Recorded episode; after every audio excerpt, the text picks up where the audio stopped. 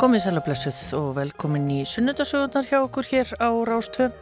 Ég heitir Hafnildur Haldarsdóttir og ætla að vera með ykkur til klukkan 2 í dag á þessum ágæta sunnudegi 10. apríl. Já, þetta er pálma sunnudagur og margir að ferma í dag og, og kannski svona horfa björtum augum uh, á þessa viku því að við fáum auðvitað páska og, og margir nota páskana í alls konar skemmtilegt en svo sendum við auðvitað bara líka hvaðið til þeirra sem að þurfa að vinna um páskana. En uh, það er uh, þáttur framöndan sunnudasögurnar og gestur minn er ekki einn í dag, það eru tveir gestir sem að koma til minn í dag.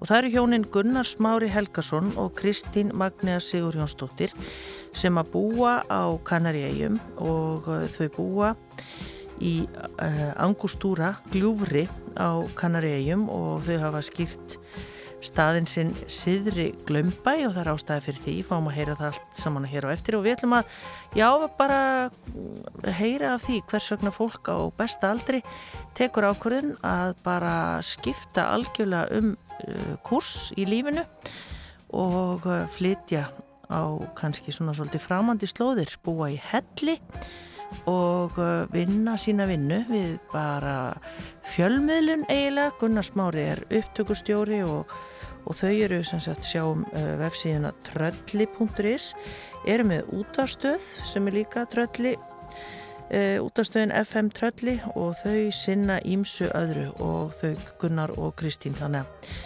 Ég náði í þau, þau voru hér í heimsókn bara fyrir nokkru dögum á Íslandi og þannig að það er ágætt að, þið viti það, þetta er ekki bein útsending og hérna, þannig að þau við klum heyra hérna eftir smástund hvað okkur fór á milli.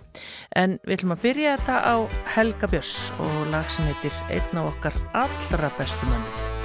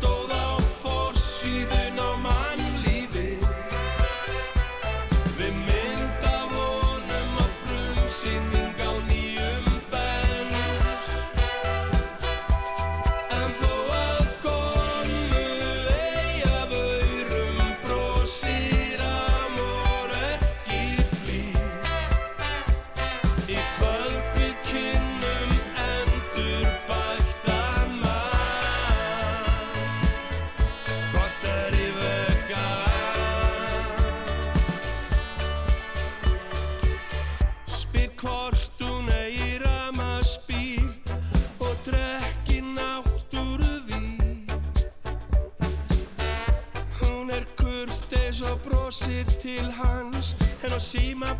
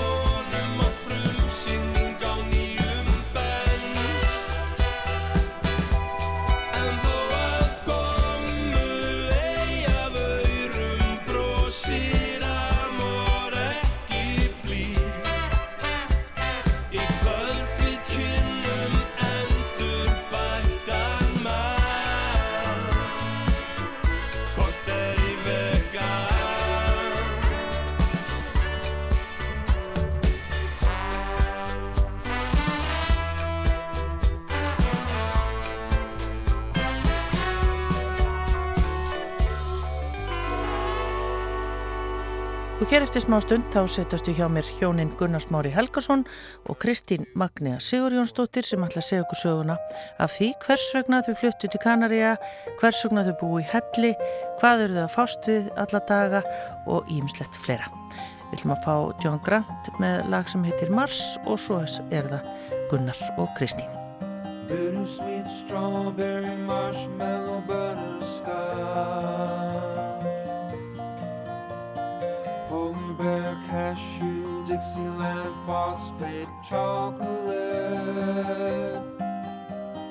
Lime tutti fruity special raspberry, leave it to me. Three gray scotch, lassie cherry smash, lemon freeze. I wanna go to Mars sweet 16 is waiting for you after the show. I wanna go to Mars.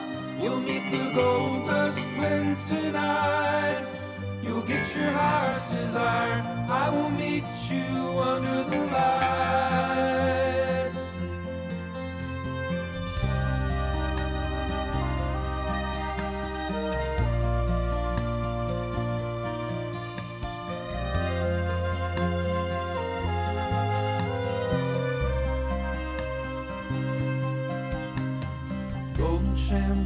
Juicy grapefruit, lucky Monday.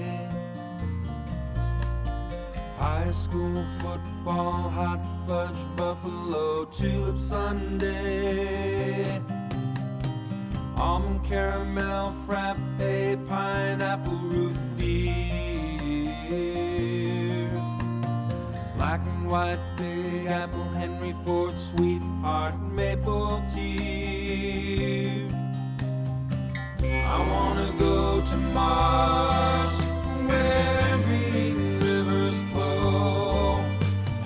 Sweet 16 is waiting for you after the show. I wanna go to Mars. You'll meet the gold dust twins tonight. You'll get your heart's desire. I will meet you under the lights.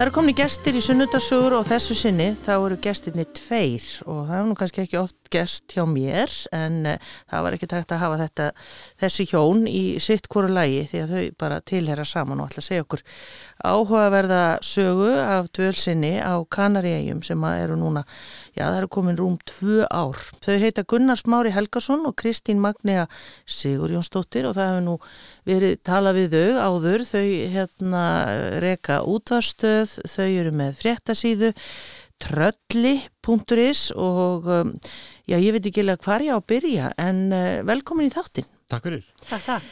Það er rétt hjá mér, er það ekki? Þið eru búin að það eru komin tvö ár síðan að þið fluttuð uh, til Kanaríæja og búið í hvað? Siður í Glömbæ, í Gljúfri. Er þetta rétt? Í helli? Já, Jú, jú, það passar. já. Við verðum aðeins að þó að margir hafi nú séð kannski einhver viðtölu við ykkur. Við verðum að fá að vita hvað varð til þess að þið tókuð þessu ákvörðun. Gunnar.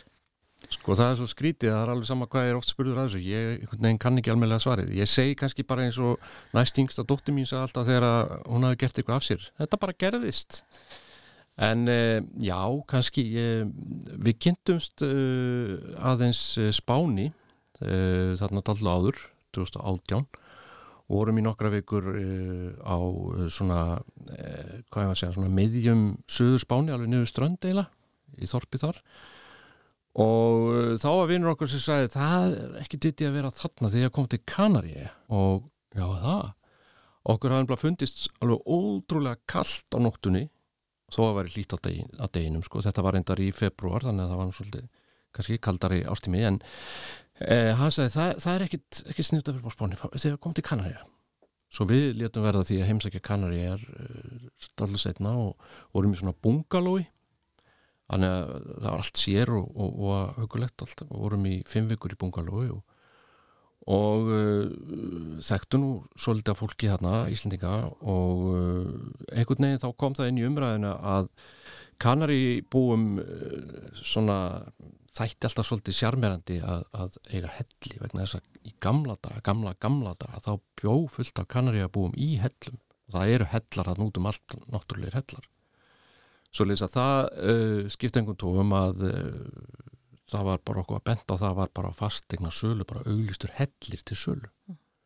Og við vorum búin að leiða okkur bílalegu bíl hann að tvisa sinnum í, í tóþra daga hvað skiptið, við stoppum nokkra vikur og svo það var tekinn þriði bílinn og við fengum fastegna salan og, og eigandan til að sína okkur hellin og og þetta var svolítið út úr og erfitt að komast og svona. Við komist ekki einu sinni á bílnum alla leið, þú veist, maður lappa sérstaspölin og, og um, ég var strax svolítið svona pínlítið heitlaður af þessu, ég er náttúrulega fættur og uppalinn út á landi í, í, í Littleþorpi og, og hefur nú alltaf tíð verið svolítið grúskari og, og hérna þá bara uh, svona, já hún hefur sennilega séð eitthvað blík nema nema þegar við komum tilbaka þá eða semst eiginlega þarna ástæðinu þá er hún svona jújú, það var merkilt að horfa þetta allt sem hann en e, það var kvarlega ekki að henni að, að, að fara út í þetta en Ég sagði aldrei í lífinu. Já, aldrei í lífinu sko. En bara svo maður geti ímyndað sér sko hellir, af því við þekkjum náttúrulega hella á Íslandi, en hva, hvað er verið að tala um þarna? Hvað, Þetta er ekki surtsellir eða Nei. vilgelmir eða, eða svoleiðis hellir sko. Nei. þetta er ekki svoleiðis þetta en ég er, meina, er, er, er hitt og ramag? e, uppálega ekki, nei það var e, rafstöðvarræfill að, og það var reynda búið að leggja ramags sagt lögn, það voru slökkvarar og nokkru tenglar og eitthvað svona og, og hægt að, að ræsa rafstöð. En vildum ekki alveg fara þá leið þannig að e, við þurftum að leysa það allt saman. Og ég sett upp hann að doldið stóran solarpanel og, og fullt af rafgemum og, og svona inverter til að Já. sjá um það. Þannig að við erum með bara bara vennulegt ramagn þarna, við stingum hverju sem er í samband og, og, það er sem sagt bara algjörlega á okkar vegum því að þetta er utan all- allra veitukerfa. Það er svona mörkunum að setja að kalla veg þarna upp yfir og hann er ekki sem sagt honum er ekkit við haldið af neinum ofinbörum aðilum, við berum ábyrð á honum við og það er annar hellir sem sagt, þetta er ídáldi stóru gljúfri og í svona, allir maður sé ekki svona kortir að lappa yfir í kortir 20 mínútur, svolítið bratt yfir í hinna hliðina þar sem að er annar hellir og þar er finskur maður sem á helli og, og hann kemur enda mjög sjaldan að nút en hann er búin að eiga hann í 30 ár Þannig að við tveir berum ábyrð á, á restina veginum, svo þarna daldi niðar í glúrinu, þar er svona einhver dælustöð og, og uh, niður undir þjóðvegi er, er síðan fyrirtæki sem er í svona, með svona flutninga og aðalega flytja vatn. Já, þannig að við spólum tilbaka, Kristín, þú hefur þá endanum samþýgt þetta? Já, það kom nú, þannig að þegar við komum heim að þá fór ég að hugsa um þetta og ég fór að skoða myndbönd sem við höfum tekið þarna upp frá. Og þetta náttúrulega var um miðjan vetur, skítakuldi, norður og siglufyrði og, og þetta fór svona að gerjast. Og viku tíu dögum eftir við komum heim að þá segi ég við Gunnar, við ættum kannski að kíkja þess að þetta. Já, og þá eru þið bæði í þessu starfi að þeir eru að reka þessa fréttasíðu og eru með útvastættu og annað, þannig að trölli.is. Þannig að þið hugsuðu, þið gætuð haldið því áfram ef þið færið eitthvað, eða hvað. Af því Já. alltaf þarf maður nú eitthvað til að lifa á. Ég, ég, Já, held að, ég held að við höfum ekki hugsað á þessari stundu að við ætlum eitthvað að flytja út. alls ekki Nei. Þetta var bara svona ævintýri sko. Já, og, og svona svolítið hugsa kannski sem bara reynlega sumabústaðar að vetri til Já, en við höfðum farið við það og tekið stúdíu bara með okkur bara í ferðartöskunni og ég hafði til dæmis farið nokkur sinnum til Póllands mhm, og eins söður og við vorum alltaf með þætti þó að ég var einhvers þar í burtu Já. og þegar hann fór síðan að ganga frá kaupunum á hellinum e, sennilega svona tveimur mánuðin setna eitthvað svo leis að þá uh, vorum við með þátt þar sem að hann laði bara utan vegar einhver staðar á Já, Kanari og já, já, ég var bara í bíl, já, já, bara í bílalegu bíl og, og, og var með svona lítið stúdjó og svona.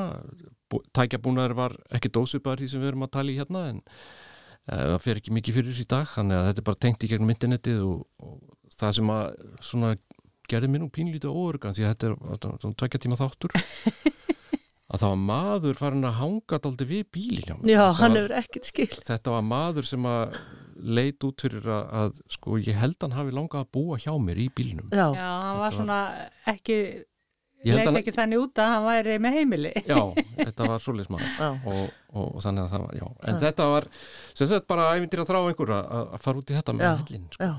En hérna má spurja sko, ekki, þeir eru ekki að segja nákvæmt verð, en hvað, við hvað er miða þegar maður kaupir helli? Er þetta, er þetta íbúð út á landi eða er þetta sumabústað? Er þetta dýrt? Eða, mm, sko uh, það fer eftir í hvernig talið. Já, já uh, sko hellir og hellir er náttúrulega uh, jafn ólíkt og, og sumabústaður og sumabústaður því að þetta var náttúrulega ekki það bjó engin annað þegar við kiptum þetta. Uh, það var dánabú Já, þetta var eiginlega dánabú og það hefði engin verið hérna í nokkur ár þannig að þetta var í sjálf sér meira minn allt í niðurnýslu þannig að, að, fyrir viki þá hefðum við nú kannski borgað meira fyrir þetta í dag heldur en við þurftum að gera þarna já, þannig að þetta voru, jú, jú, þetta voru þó nokkra miljónir en, en þetta var eitthvað sem við réðum við eigið þið landið þá? Já, við hefum landið og já. það kom nú í ljósi að var verið að ganga frá þessu að e, það fylgdu þessu 25.000 tverrmetrar á landi sem að sem ekki dum þegar við vorum að, að spá í þetta þannig að við eigum dágóðan landskika miklu neðar í glúrinu Og hvað er þar? ekki neitt, nei, nei, bara, pál, bara pálmatri og eitt fíkutri og, og svo leys ólífutri er það ólífut? Já, það er ólífutri, rosalega stort ólífutri Já, en það er æðislegt land sem að væri hægt að gera heilmikið við og hell, eða, það eru svona klettar fyrir ofan sem að eru bara eins og svisnisk rostur þetta er þvílík fegur að það er bara ekki Já. og, Og þar væri til dæmis ef þið myndi vilja byggja hús eða er það? Já, sko, það er pínlítið snúið vegna að uh, það má í sjálfu sér ekki byggja uh, alvöru hús á svona stöðum. Uh, þetta er það sem kalla rústika eða finka sem er sem sagt, utan allar kerfa. Þannig að ég reyndi til dæmis, ég kipti bíla núti og til að kaupa bíl á, á Kanari þá verður maður að hafa heimilsfang vegna þess að það er svo mikið af bílum sem standa bara í einhverjum bílastæðum og, og svo er eigandinn bara einhverstað í öðrum löndum Já. mánuðum saman eh, og ég reyndi að fá mig skráðan þarna upp frá, það er bara ekki tækt þetta, það er engin gata, þetta er bara sko lýsingin í kaupsamningunum er bara á þú veist það er bara nefn mannanöfn og, og, og staðir og áttir og svo lýst hvað þetta er Já, en þið, já, og þess vegna heitir þetta hjá ykkur bara Syðri Glömbær, Já, það já. er bara til að, já, Já, það En- er út af því að, að húsið á Kvamstáka sem ég ólst upp heitir Glömbær já, já. og þetta er svolítið sunnar En þegar þið farið til dæmis bara á vestliðinn og allar framkvæmdinnar og svona og þið getið ekki keirt að húsinu, er þetta bara heljarinnar uh, hérna, líkamsrækt? Nei, við keiftum bíl sem að hendar hellinu sem við Já. kallum Abuelo, mjög virðulegur eldri jeppi sem fer allt, hann er mjög stór og við erum búin að flytja sko ótrúlegustu hluti á þessum bíl. Og það er að bakka alveg svona upp að heimreiðinni hjá okkur, upp heimreiðina þannig að það er nokkið langt að, að flytja þetta. En svo erum við alltaf að verða svona meiri spánverjar, svona sveitaspánverjar því að nú er komin kerra aftan í bílinn þannig að nú bara flytjum við heilu fjöllinu þess þarf Já, en hvað hérna í helli Mm. eru gluggar eða? Nei. Nei, það er bara einhurð það er einhur. Já, það er reyndar uh, sem sagt, kemur byrta í gegnum hana uh, og þetta eru tveir hellar hlið við hlið það er ekki tætt að ganga á milli þeirra það er bara sagt, op, út á svona verund fyrir framann, yfir henni er svolítið þakk og þar eru við með svolítið skemmtilegt út í svæða sem er með langt borð og, og borðum oft þar. Og síðan var búið að byggja sagt úr timbri utan á uh, klettaveggin þannig við hliðin á öðrum hellinu þar var búið að byggja svolítið eldhús. Og það erum við einmitt að fara að uh, taka allt í gegn núna bara þegar við komum út Já. Er það þá svona úti, svona semi úti eldhús? Nei, nei, Nei, það, það- er inn í, það, Nei, það er sem bara byggt utan á sem utan á klettavegnu. já, það eru bara veggir og þak utan á með glugga og hörðu og öllu og við ætlum að taka það í gegn og, og breyta því aðeins, við þurfum reyndar að höggva aðeins inn í veggin fyrir ískapnum því að við viljum hafa hann þannig að, Þið eru í fjölskyldu á Íslandi og eru þessuna hérna í heimsóknu auðvitað, eða eru hérna á Jú, jú. Íslandi núna. já, Hvað, hvað finnst fólkinu, börnunum ykkar og barnabörnunum og öllum um þetta? Sko, við hefum tíu börn samanlagt og ógreinlega barnabörnum og það eru líka komin barna, barnabörn hjá Gunnari en einhver að hluta vegna að þá finnst yngum þetta skrítið. Þau þekki ykkur vel. Já, þau þekki okkur vel og, og þeim finnst þetta bara mjög spennandi og, og sko klóruðu sér nú aðeins í hausinn til að byrja með hann kannski ekki alveg, alveg í lægi að gera þetta en, en þetta er að koma. Nú er búið að vera að bóka heimsóknir í suma þannig að fólk hefur orðið trúaði að við sé- séum að gera eitthvað en það verður líka að taka fram að það búið að vera dalt í gangi síðustu tvö ár sem Já. það hefur gert að verkum að fólk hefur nú ekki verið að ferðast mikið. Eru þið þá bara búin að vera daldið einn hana? Já, við vorum náttúrulega sko Já. í ársbyrjun 2020 þá uh, brast á útgöngubann hann úti já. og uh, við vorum upp frá við sem sagt uh, já, og ákvaðum að fara ekki til Íslands það var verið að leggja hartað Íslandingum í útlöndum að, að hafa samband við hérna uh, ég man ekki hvað stofnun heitir á Íslandi, uh, eitthvað fyrir útlending, eða sérst Íslandinga í útlöndum og, og hafa samband og tilkynna sér og eitthvað og við gerum það nú en, en við ákvaðum að vera þarna því að okkur fannst við vera bara miklu örgar þarna heldur en þú veist, einhver staðar Já, en útgöngubann, hvað þýtti það fyrir ykkur? Ég meina, Já, gáttu það- að fara í búðina? Já, Gunnar fór í búðina, það mátti bara einn fara í búð. Já. Ég fór einu sinni og keifti í 20 máltíðir Já, einni ferð. Já. Já. En uh, þetta þýtti það að ég var yfir 60 daga upp í gljúri í hellinum og sá engan nema Gunnar. Þetta, það lítur að vera stert og gott hjónabandið. Já, það kom í ljós þarna, já, það Já. held, heldur nokkuð vel. það heldur mjög vel. En þá fannst mér erfiðast að þá var móðu mín á lífi og uh, hún var uh, sem sagt uh, á sjúkrastofnun þar sem að var náttúrulega gæti enginn bara í heimsókn en sem betur fer að þá var hún tölvufær þannig að við gætu verið í samskiptum einasta dag en, en það fannst mér erfiðast í, í þessu ferli hvað ég hvað ég var langt frá henni Já, ég trúi því vel. Já. Já. en við upplifum okkur mjög örug þannig að þetta bara gekk ótrúlega vel en það var skrítið að fara til byggða Já. mjög skrítið En eru þið, ég menna, bara hvernig gengur dagurinn fyrir sig? Nú verður að segja okkur það. Sko, við erum náttúrulega með íbúð líka.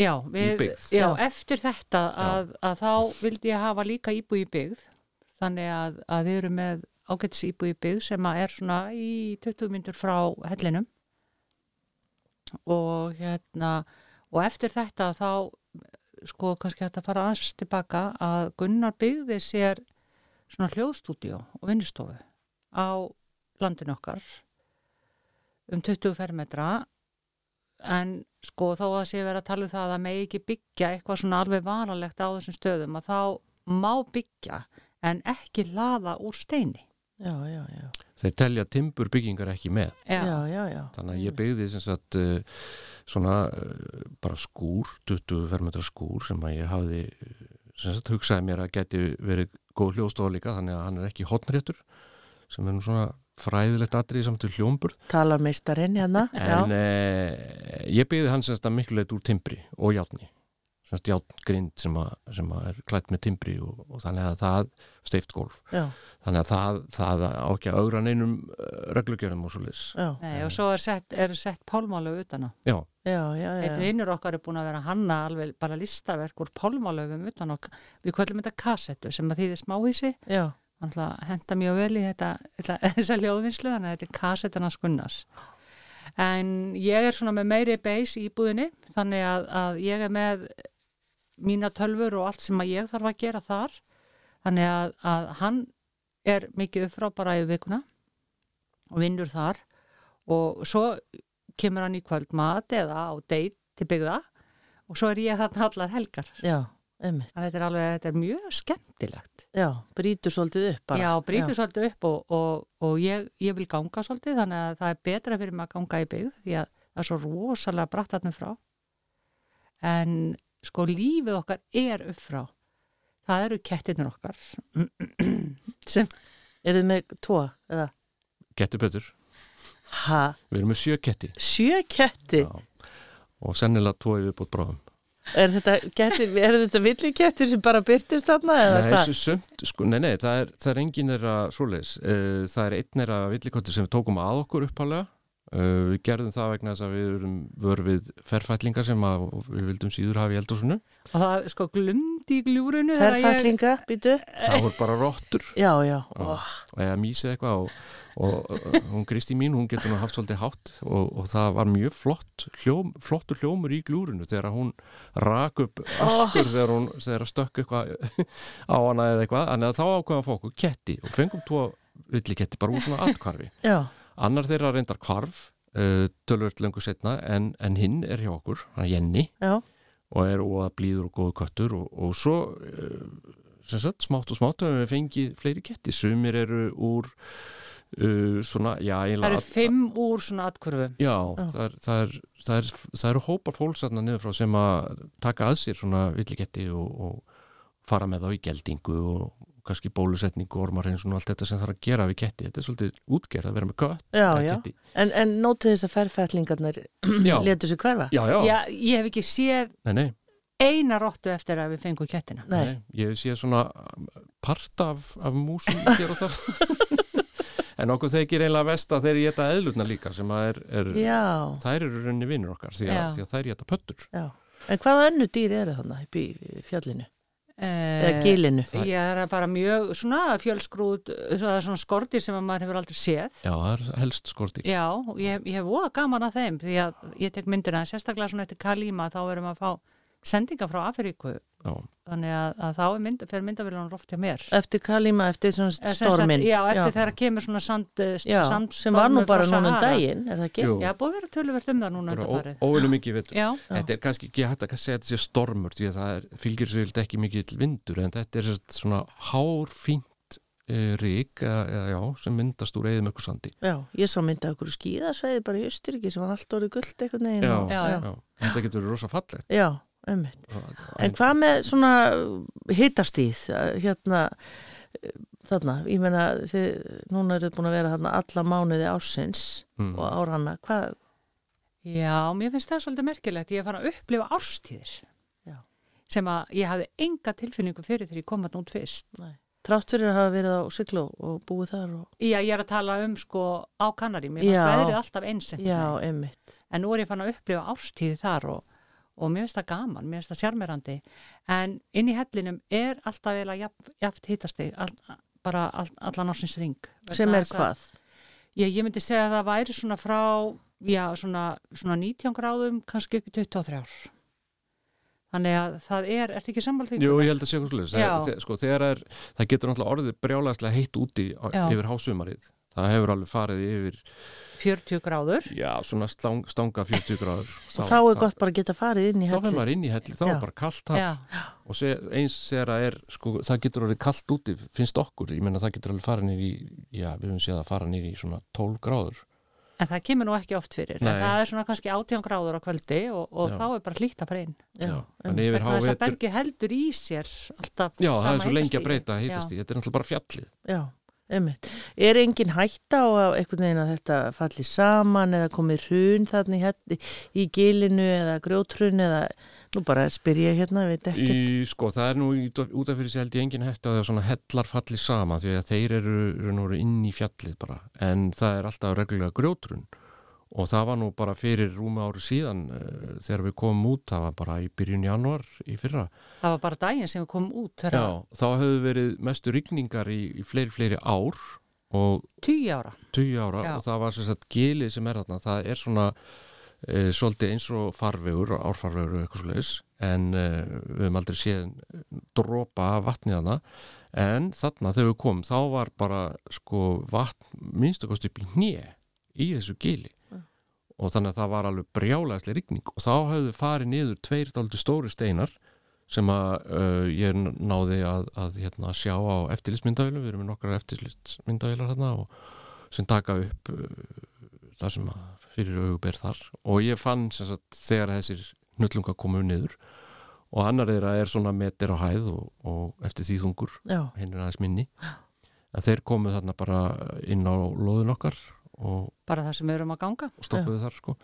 Eh, og svo heyri maður svona, sérstaklega þegar rignir, þá heyri maður hér og þar í fjöllunum svona smá, það er yfirlega ekki neitt svona stórkoslegt nei, en auðvitað er þessi hætt alltaf fyrir hendi. Ég hef heyrt alveg skriður falla. Já, já.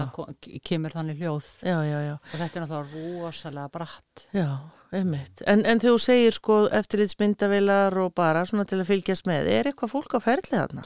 það kemur aðeins fyrir að fólk sérstaklega um helgar að það lappar sem sagt upp gilið það er sem sagt þetta, það er sjálfsögur, við erum með girðingu í kringum okkar lóð Já, og uh, það er í rauninni uh, allt í fólk má í sjálfsögur alveg lappa þarna upp gilbotnin og, og, og það ber alveg virðingu fyrir því að, að, og er mjög meðvitað, það er allir mjög meðvitaður um, að þarna býr fólk? já, já, eða einhver á eitthvað Já, já, Þa, já. það er alveg, það, það er mjög stert í, í, í þeirra sagt menningu að, að, að ef einhver á eitthvað þá lætur það í friði. Já. Og eru þetta þó spámirar sem er að labba Já, já, já, Ekki, Já, þetta er gömul gunguleið já, en ég hugsa það að, að við höfum gjörðu vörð við fólk að nema kannski í svona tíu skipti alls, frá já, því að við keftum já. þessi bara falið svolítið. Já, já, algjörlega. Og það kemst ekki bílarna upp til okkar heldur. Það er slá og keðja og, og, og alls konar fyrir, fyrir staða sem já, að vegurinn er unni sko lokar já, Já,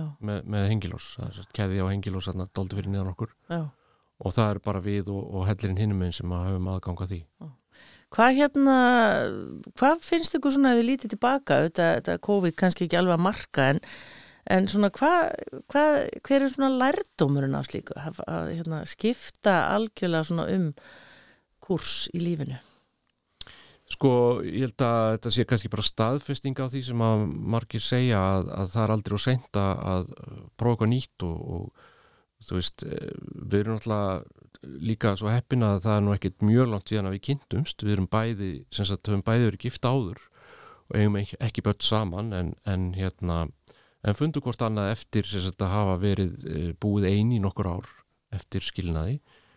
Og uh, þannig að það er í sjálf sér okkar líf bara uh, nýtt upphaf er bara yfirskriftin yfir okkar lífi. Bara, þannig að þetta fjall bara mjög vel inn í það. Já, en, en, en svona þessi mikla samvera því að það er hérna eins og þú segir, þið hafið náttúrulega þetta afdrepp hérna í, í aðeins nær byggð eða í byggð en maður þarf að þóla hvort annað ansi vel. Já, já, já það, við gerum það og svo sannarlega en svo líka að við höfum svo mikið áhagamálum og við erum alltaf að ég var um þetta sko, sko við erum alltaf að gera eitthvað við vöknum til einhverja hluta og uh, það er bara mjög gott ef við náum sko að gera eitthvað sko sko við erum með að þannig síman stiltan að við eigum svona tvo kósi tíma í viku og við látum síman minna okkur á það að nú er komið að því að leggja frá sér uh, önnur verkefni til þess að, að einbytta okkur bara algjörlega á okkur. Já, hún frábær hugmynd. Þannig að hérna, þannig að við erum, sérst, við erum sérst alltaf saman en svo þurfum við að minna okkur á að vera saman um helgar já, Og þessi sítenging að rjúfa hana sem sagt. já, Frábært. Við prófum einu sinni, reyndar ekki þarna, það voru annars að við prófum einu sinni að vera með tækjalösan dag einu sinni í viku Já. og þá, uh, þá mátti bara vera með síma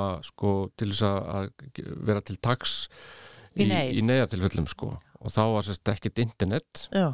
það mátti bara vera gamli síma símatengingin Og prófuð þetta semst eftir þið fóruð út eða var það áður? Nei, það var, það var í smá millibils ástandi. Við vorum á- við vorum á búin að Íslandi. selja, já, við vorum búin að, nei, við vorum búin að leia húsið okkar já, og við komumst ekki út strax. já, á, svoleiðis, já. Já, og þannig að, að við pröfum þetta og þetta, er alveg, þetta var alveg svakalega gaman Já, og hvað hérna, en, en erfitt eða hvað? Já, Já, pínu erfitt vegna þess að- að við þurfum náttúrulega að sinna fréttavefnum alla daga Já. ásins og við köllum það alltaf að fara í fjósið þegar við förum í fréttavefum vegna þess að, að við þurfum alltaf að finna fréttir og vinna fréttir alveg sama hvort að, hvort að er eitthvað um að vera eða ekki. Já, við ætlum að tala um það einmitt í setni að þessi, það sem þið eru að starfa við en ég verða eins að halda áfram með þetta sko.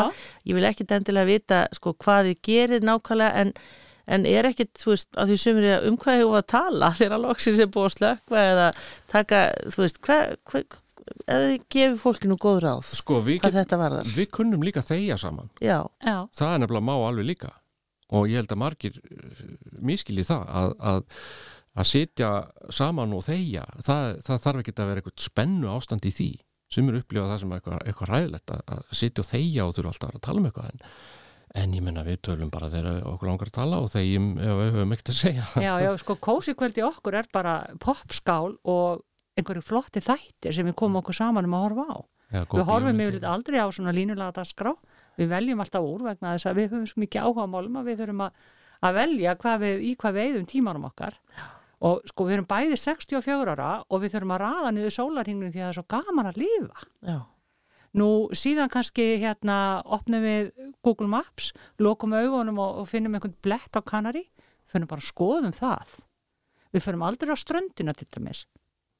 Nei, við höfum einu sinni, við Já, einu sinni farið og... það, það er orðið mjög langt síðan. Það, það náttúrulega var ekkit, ekkit sniðut núna undanfærið svo sem en já, við erum, við erum ekki að sækjast eftir þessum túrisma, þannig að bærin sem að er næst hellinum, þar sem við erum íbúð hann er ekki túristabær. Nei, og við erum mjög glöð með það Já, já. en ég má til með að koma því að, að það eru sannlega 400 vindmilur í þessum bæ. Já. Það er nýja það hann elskar vindmilur. það Er, er, er Gunnar Smári að fara að íhuga það að reysa vindmilu við? Nei, ég ætla ekki að vera reysa vindmilu en ég ætla að uh, benda fólki á það að vindmilur eru góður Já, og, og það er algjör miskilningur að þetta sé einhver, einhver hérna, sjónmengun eða einhver mengun af vindmilum. Það er og einhver sagði að það besta við þar væri að það er að taka þér saman alveg að notkun lo lokinni. Og það veit enginn að það var hann að vindmila Ég, ég, mér dætt nú í hugum daginn þegar einhver var að kvart yfir sko háan með myndmilu sem ég hef aldrei heyrt þarna. Sko, er ekki bara hægt að fara að kvarta yfir háað úr fossum Íslands, finnst það er hægt að fara Þeir hafa svakalega hátt þessi fossar nú fæ, nú fæ, nú fæ ég umsjónum að þáttarins símringingar Við ætlum að taka örstu hlýja þegar við hjá mér hérna Gunnar Smári Helgason og Kristín Magnea Sigurjónsdóttir sem að búa uh, í Siðri Glömbæ á Kanaríum í Angustúra gilinu eða gljúfurinu og hérna við ætlum aðeins að heyra uh, bara starfinu þeirra og ímsu fleiru hér eftir smástund. Þá höldum við áfram í sunnudasögunum Gunnar Smári Helgason og Kristín Magnea Sigurjónsdóttir eru gesti mínir í dag og þau búa eins og kom fram í fyrirlutanum á Kanaríægjum í uh, Siðri Glömbæ í Gili eða Gljúfri, ég sé alltaf Gili sem að heitir Angustúra. Við erum svona búin að reyna að staðsetja okkur og það eru auðvitað hægt að sjá fullt af myndum. Þið eru náttúrulega, eins og þið sögðu, þið eru mikið á hérna, samfélagsmiðlum, rekið fréttavefin uh, trölli.is og eruð með útastöðuna FM Trölli þannig að þið hefur nú líka bara sett alls konar myndir og auðvitað Facebook og þannig ef fólk er forvitið af því þegar maður er að hlusta á svona það verður maður oft svo forvitin, vil sjá myndir og svona, er það ekki, er þetta ekki rétt hjá mér? Það er þetta að sjá alls konar. Jú, jú, og svo þegar við vorum í útgöngubanninu í COVID að þá tóku okkur til og gerðum myndbönd, YouTube myndbönd Já, sem við settum á, ég ætla að segja, cave.koppul Það er Cave Couple, uh, ég man ekki hvort það er einu orðið eða hvort það er bandsreikum eitthvað. já, ég man að ég fór einhvern tímann og kýlta Já. það. Og það er þetta að sjá umhverfið en við erum alltaf búin að gera alveg heilan helling síðan við erum alltaf að breyta. Ef þið hafið tíma núna þegar þið komið út þá setið þið kannski nýjustu myndirnar. Já, ég held að við ættum að fara að gera eitthvað en, en eins, og, eins og ég sagði á þann að þá eru áhugamálin svo gríðarlega mörga stundu þarf maður að einbeita sér að einhverju öðru en, en ég, ég reyni að vera uh, duglega á samfélagsmiðlum en stundu bara er ekki tími nei Gunnar Smári, þú ert nú þekktur hérna upptökumadur og Mhm. bara hérna við komum nálagt bara ótrúlega mörgum stórvirkum í, í íslenski tónlist til dæmis og bara hérna allt og langt máli að fara að tellja þau upp. Ert að vinna við slikt hann úti? Nærðu því að blanda tónlist? Já, uh, það vil svo til að, að ég gerir svolítið að því, já. Uh, eitt af stóru verkefnunum er til dæmis uh, það, er búið að vera í mörg ár uh, hefð fyrir því að við hljóðblöndum upp á nýtt jólatónleikana Jólagesti Björgvins sem er síðan bara settir á YouTube. Og ég er einmitt að fara í það núna að, að, að ganga frá tónleikonum 2021 um, síðan er ég svona nýlega farin að vekja aðtikla á því að ég teka að mér að tjúna söng svo, svo við sletti aðeins. Það er sem sagt uh, þannig að þegar að plötur eru teknar uppi eða tónleikar eða eitthvað slis þá er mjög algengt að það er svona aðeins kroppað í söngin þannig að það er að laga tóna sem að hitta kannski ekki alveg akkurat og þið séu kannski ekki falskir þannig að þá er að laga þetta aðeins til það er mjög mikið gert í plöt, fyrir plötu upptökur og slis og ég er, er komið nokkuð svolítið verkefni þar sem að ég er bara í því og svo geta þarir séðum að miksa og, og ganga frá þessu eins og við vilja. Og þetta gerir í kassettunni? Já, já, þetta gerir í kassettunni. Þar er ég bara með makka minn og alla græður til þess að gera allt svona. Já, en þú Kristín, þú ert, hefur, þú hefur starfað sem blæðamæður í fjöldamörg ári eða? E, nei, ég hef bara verið að skrifa greinar svona á uh, héraðsmiðla og bara alltaf haft gaman að þessu Já. og þetta einhvern veginn passaði svo vel saman við allt sem við vorum að gera þegar við, við erum alltaf með út á stöðuna sem að Gunnar er búin að reyka hvað í 11 ár. Já, aðgóðslis, hún er farin að nálgast táningsári. Já, já, hún er að vera táningur. þannig Það að- er trölli.is, bara aðeins áður en þú heldur áfram, Já. er það út af stöð, er hún í gangi allan sólaringin? já, já, Já. hún það er. FM Trölli Það er FM trölli? Já. já. og uh, þannig að okkur langaði til að gera eitthvað saman þannig að þetta var niðurstað með það að, Gera þennan líka, vef. Já, Miðl. sem að e, tengist ekki bara sigluferði heldur líka hlustendasvæði FM Trölla sem við erum með senda þó trölli, FM Trölli náast út um allan heima þá erum við með senda í Hrísei, Ólasfyrði sigluferði e, Söðarkrók sem er við Skagafjörð og svo eins og Kvamstanga Mm. þannig að þetta er bara heilmikið sem að Gunnar hefur smíðað í gegnum tíðina og, og búið til bara algjörlega sjálfur Nú svo fórum við uh, út í að smíða hana vef sem að, hvað er hann búin að vera þrjú að fjóra ára loftinu? Ég maður ekki alveg. er. Og svo er ég líka ljósmyndari, þannig að, og hef haft áhuga á fréttaljósmyndun. Alla tíð, það hefur alltaf verið svona minn sterki, uh, mín sterkar lið, það er svona áhuga því að segja sögum með myndum. Já. Þannig að þetta einhvern veginn bara small allt saman og bara hefur gengið alveg ótrúlega vel en, en við hefum náttúrulega gærna vilja fá fleiri til þess að skrifa með okkur á, á trölli.is en Og þú nefndir alla þessa staði. Eru þið samt með svona innanbúða fólk á þessum stöðu sem að uh, gefur ykkur efni eða lætur ykkur fá... Það kemur alveg það fyrir. kemur fyrir, já. Já, já, og við erum, það er þá reyndar mest uh, fólk sem tengist siglufyrði. já. Við erum til dæmis með eitt sem er reyndar býr í Svíþjóð. Frændi minn sem að Jón Ólafur Björgursson sem að hefur skrifað, hann er meira að skrifa svona eh, eitthvað sem við byrtum þá um helgar sem eru oft uh, bara langar greinar með fullta myndum og svolítið og hann er svolítið mikið í því að fjalla um, um gamla tíman á siglufyrði og, og það er gríðarlega vinsælt á þessum við. En svona fréttir svona í gegnum vikuna það er kvílinu eiginlega mest á okkur. Uh, reyndar er Örlegur Kristfinnsson uh, einn af þeim sem að setja á stopn síldaminnarsamt Íslands Já, hinn einu sanni. hinn einu Já. sanni, hann er uh, hefur aðeins meiri tíma núna nú orðið, þannig hann á að til að senda okkur svona litla skemmtilega fréttir sem að er voða gaman að byrta Já. En af hverju, af hverju? Býtu voruð þið, þú ert frá Kvamstanga Já, en þú Kristín, Ég er sigfyrringur. þú ert já. Í húð og hár. Já, þannig að þið ákváðu að, að, hérna, að flytja þanga á sín tíma áður en þið fóruð í til Kanari. Uh, já, það uh, byrjaði nýtt upp, það var nýtt upphaf hjá mér eftir, eftir 30 ára hjónaband að þá, þá hérna, fór það í sundur og ég svona fór aðeins norður á bógin því að við byggum á Suðunisum.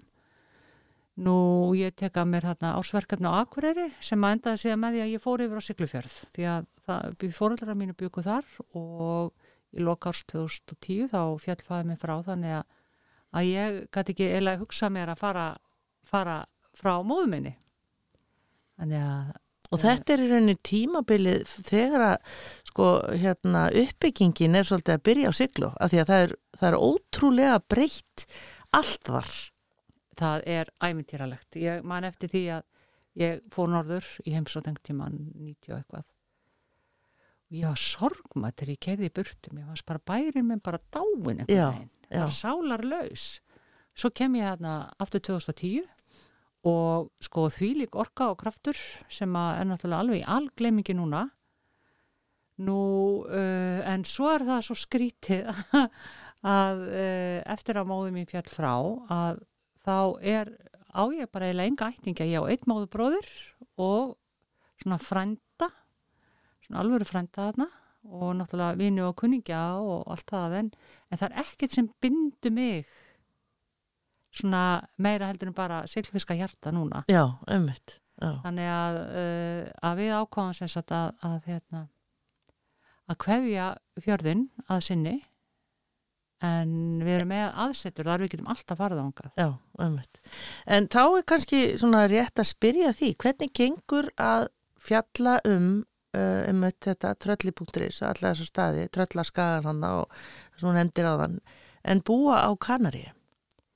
Sko það er ekkit vandamál vegna þess að uh, ég er ekkit vissum að allir fréttarítarar uh, standi mikið upp úr stólum sínum þegar þeir gera fréttir, hvað sem þeir sitja í heiminum þannig að það munar á litlu. Við erum með uh, náttúrulega með þessa nútíma tækni svo allir þekkja, þannig að við getum verið í sambandi við fólk sko, ég meina þú veist, ég tók eftir þessu fyrir mörgum árum síðan þegar sonum er fluttið til útlanda að þá vorum við meiri samskiptum heldur en þegar við byggum báður á Íslandi Já, Þannig að það er alveg á ert að vinna með verkværum sem að eru rafræn og, og, og nettengt að þá skiptir ekki nokkru máli hvað þú ert nei, Nei. með almennlega tengingu. Og við erum að miðla líka mjög mikið þó séum líka að búa til fréttir og þá er þetta náttúrulega Já, já. fyrir miðill og það eru sumir sem að miskilja það svolítið en, en þarna erum við bara að miðla því sem að skipti máli fyrir bæjarfélagið mm. og þetta er náttúrulega gríðaleg samfélags, sko, samfélagsvinna sem við erum að veita nú hérna og okkur finnst þetta gaman og ætlum bara að gera þetta meðan svo er. Já, og er þetta, þannig að þetta þýðir það að þið getið Gunnar Smári og, og Kristín Magni ekkit endilega farið í langt sumarfrí eða hvað, hvernig gerir þið það? Nei, við, núna erum við til dæmis í gær, það sátum við og vorum að vinna eh, frétti fyrir morgundaginn því að við þurfum að vera flugja allan daginn og getum nú ekki mikið fylgst með. Já, þannig að við reynum að vinna það bara fram í tíman ef að svo er og svo langar mig líka til að segja frá því að uh, til dæmis núna í COVID að þá bara hættu allir að auglýsa. Og við erum eiginlega ekkert búin að ná því upp ennþá þannig að, að, að uh, launin okkar eru nú ekki há. Nei, og við, ekkert, við erum ekkert rosalega góð líka í að marka setja okkur. Við viljum frekar bjóða upp á hlutina heldur en að vera sér mikið að sækja þá. Þannig að, að hérna, þetta er svona er svona- hugssjón já, en þið metið það kannski núna að, að hlutinir eru að fara að stað, hægt og bítandi. Já, ég held Já. það. Já, það er svona, við hefum verið að fá fyrirspurnir núna upp á síkastið um, um auglýsingapláss á drölli.is úr áttum sem að við hefum ekki vitað af áður. Þannig að það er ákveðin bjartín í þar. Já, Já, já. Við, höfum alveg trú á því að þetta geti gengið eitthvað áfram. Já, já, og svo náttúrulega líka að uh, útvarpstöðum, við getum sko, látið þetta vinna svolítið vel saman bæði þá að vera með auðlýsingar á útvarpstöðinni og, og síðan á fréttavefni líka já, Og við erum með sjö stúdjó í, í sem sagt, eh, rekstri á þessari útastöð. Flest þeirra eru utan Íslands. já, já, hvað eru þau? Það eru, það eru tvö í Nóri, e, það eru tvö á Kanaríum, það er eitt á Akureyri, e, það er eitt í Keflavík. E, Það er, er uh, í það er í, já, við erum í Bretlandi líka Já, beina, Bretlandi, við, já. sko, þetta eru beinar Já, útsendingar við erum með beina útsendingar frá Breitlandi líka. Það er Íslendingur um, sem að hérna, hann Óskar okkar Brán, hann er með þátt, mjög skemmtilega þátt sem að sendir út beint frá, frá Englandi.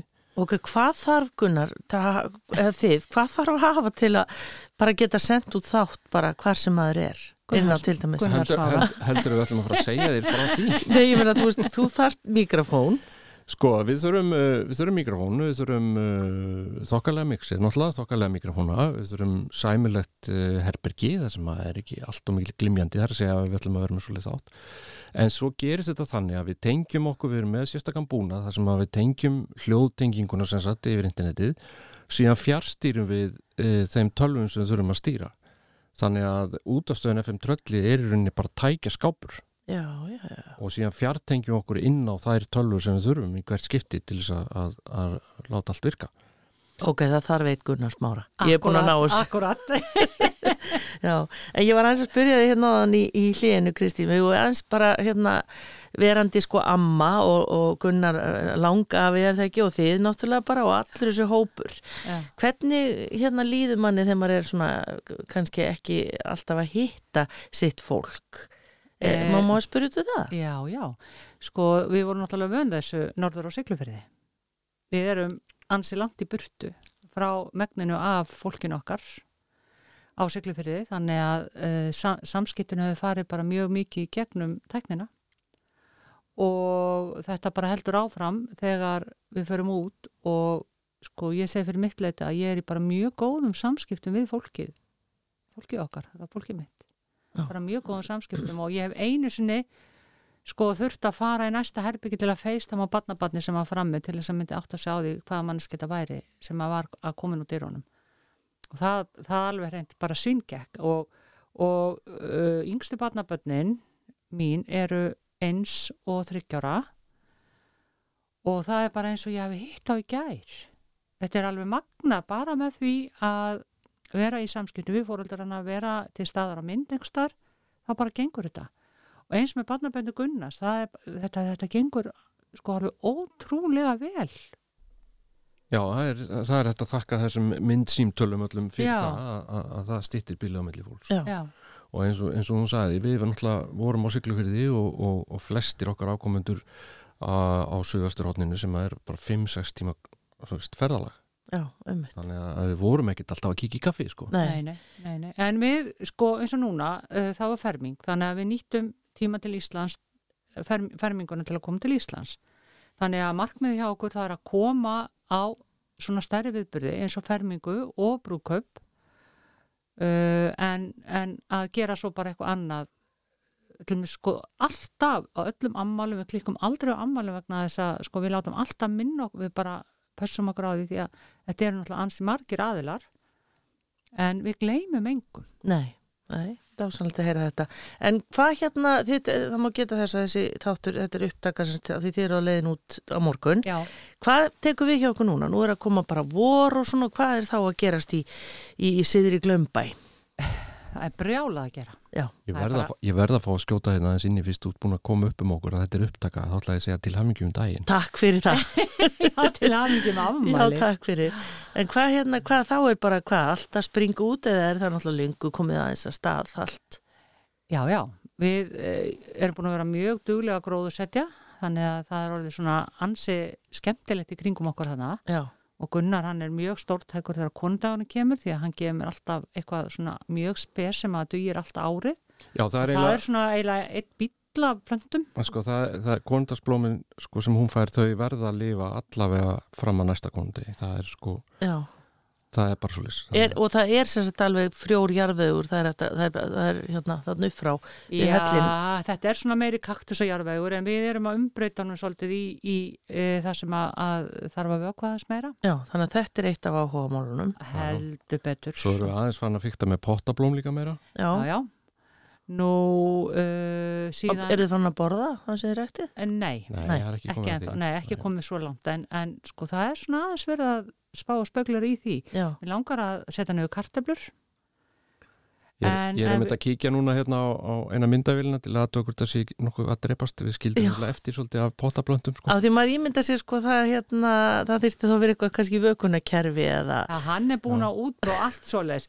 Sko við erum með stjórnstöð þar sem að við getum fylst með uh, hvernig hérna þetta 20, 20 fermetra sólasælu dæmi hans er að, að, að fanga sólina. já, Við getum sko fylst með hvað fer út af rafmagni, eða semst inn út af rafmagni. Við getum fylst með hvað er til að vatni, uh, hitastígi, rakastígi.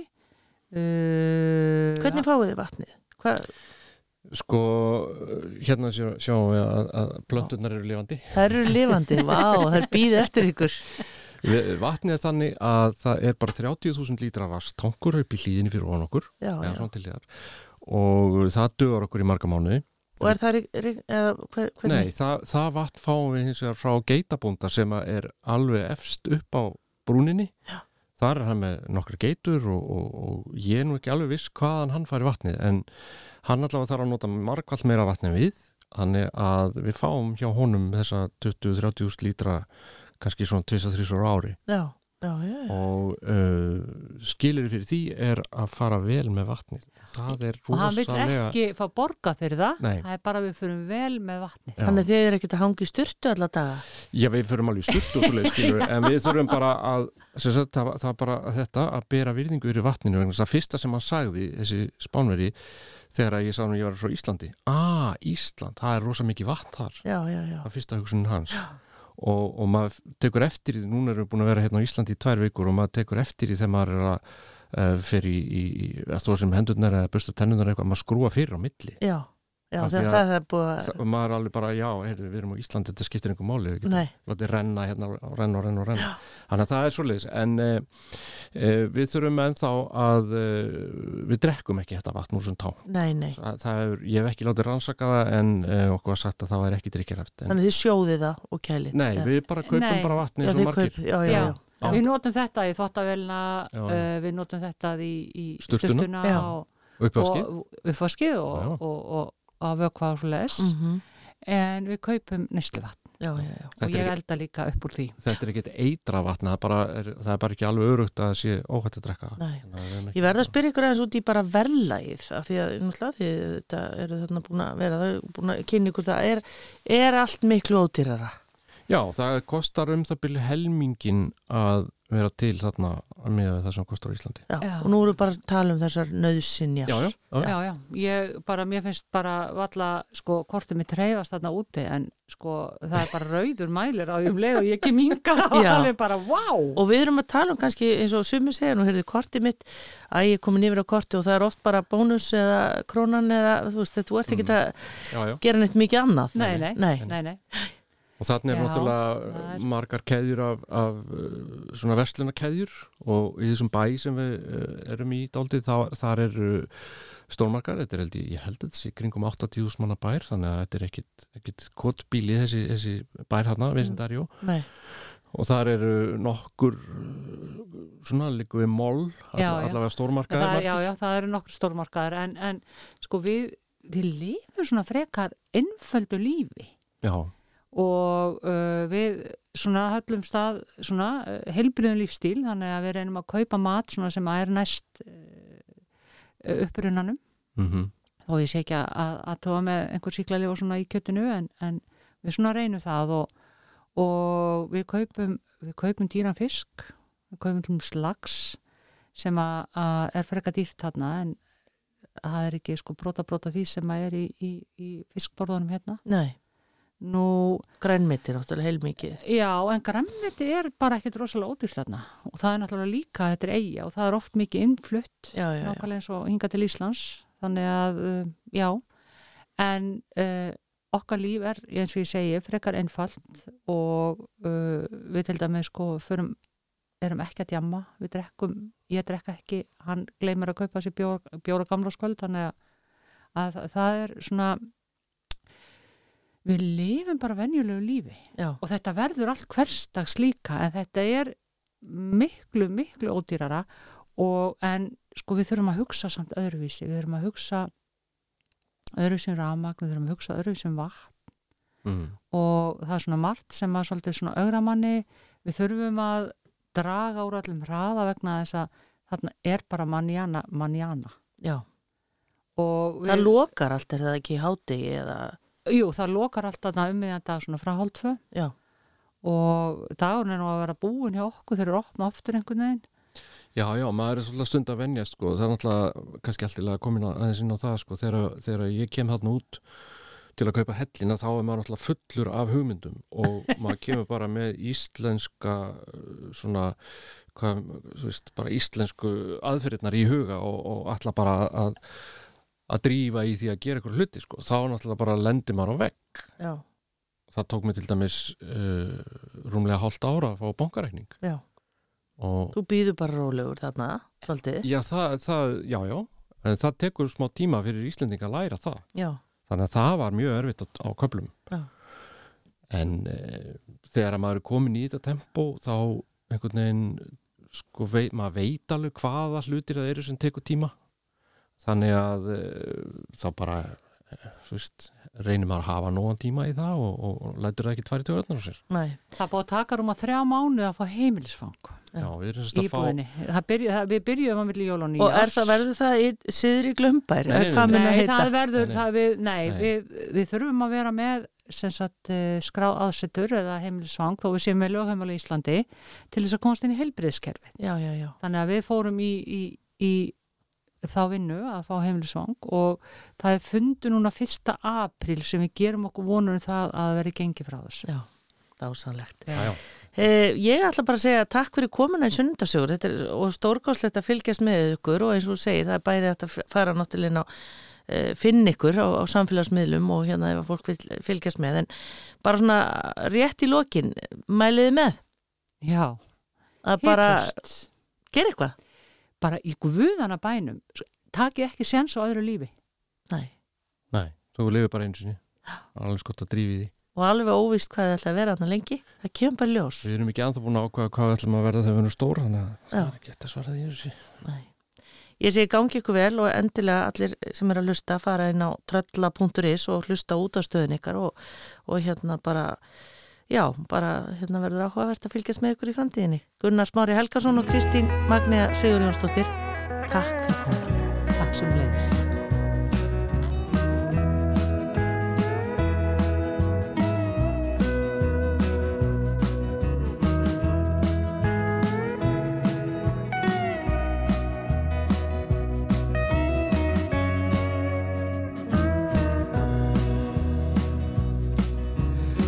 Your coat, put on your shoes, let's go. Come on now, baby, come get lost with me. My hand in your hand, what more could we want? Every part of me craves your company. Gonna have fun tonight,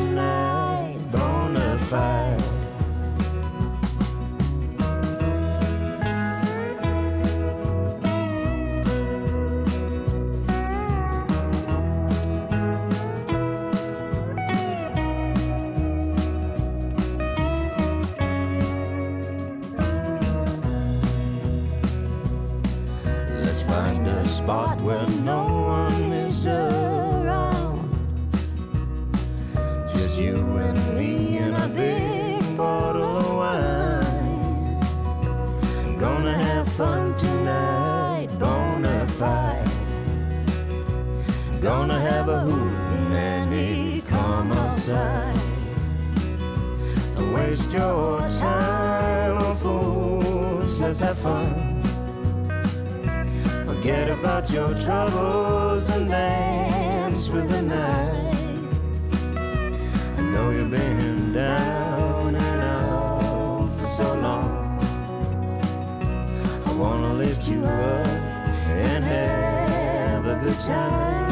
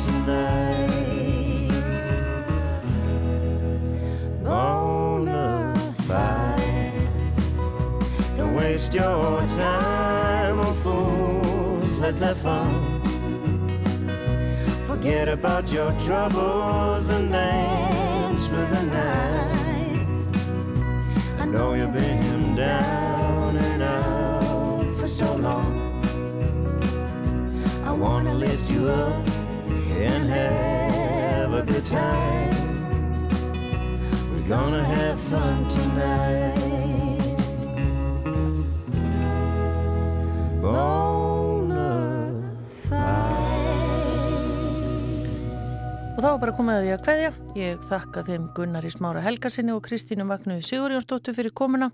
Ykkur fyrir að hlusta. Ég vonaði njóti þessa sunnudags. Takk fyrir og bless bless.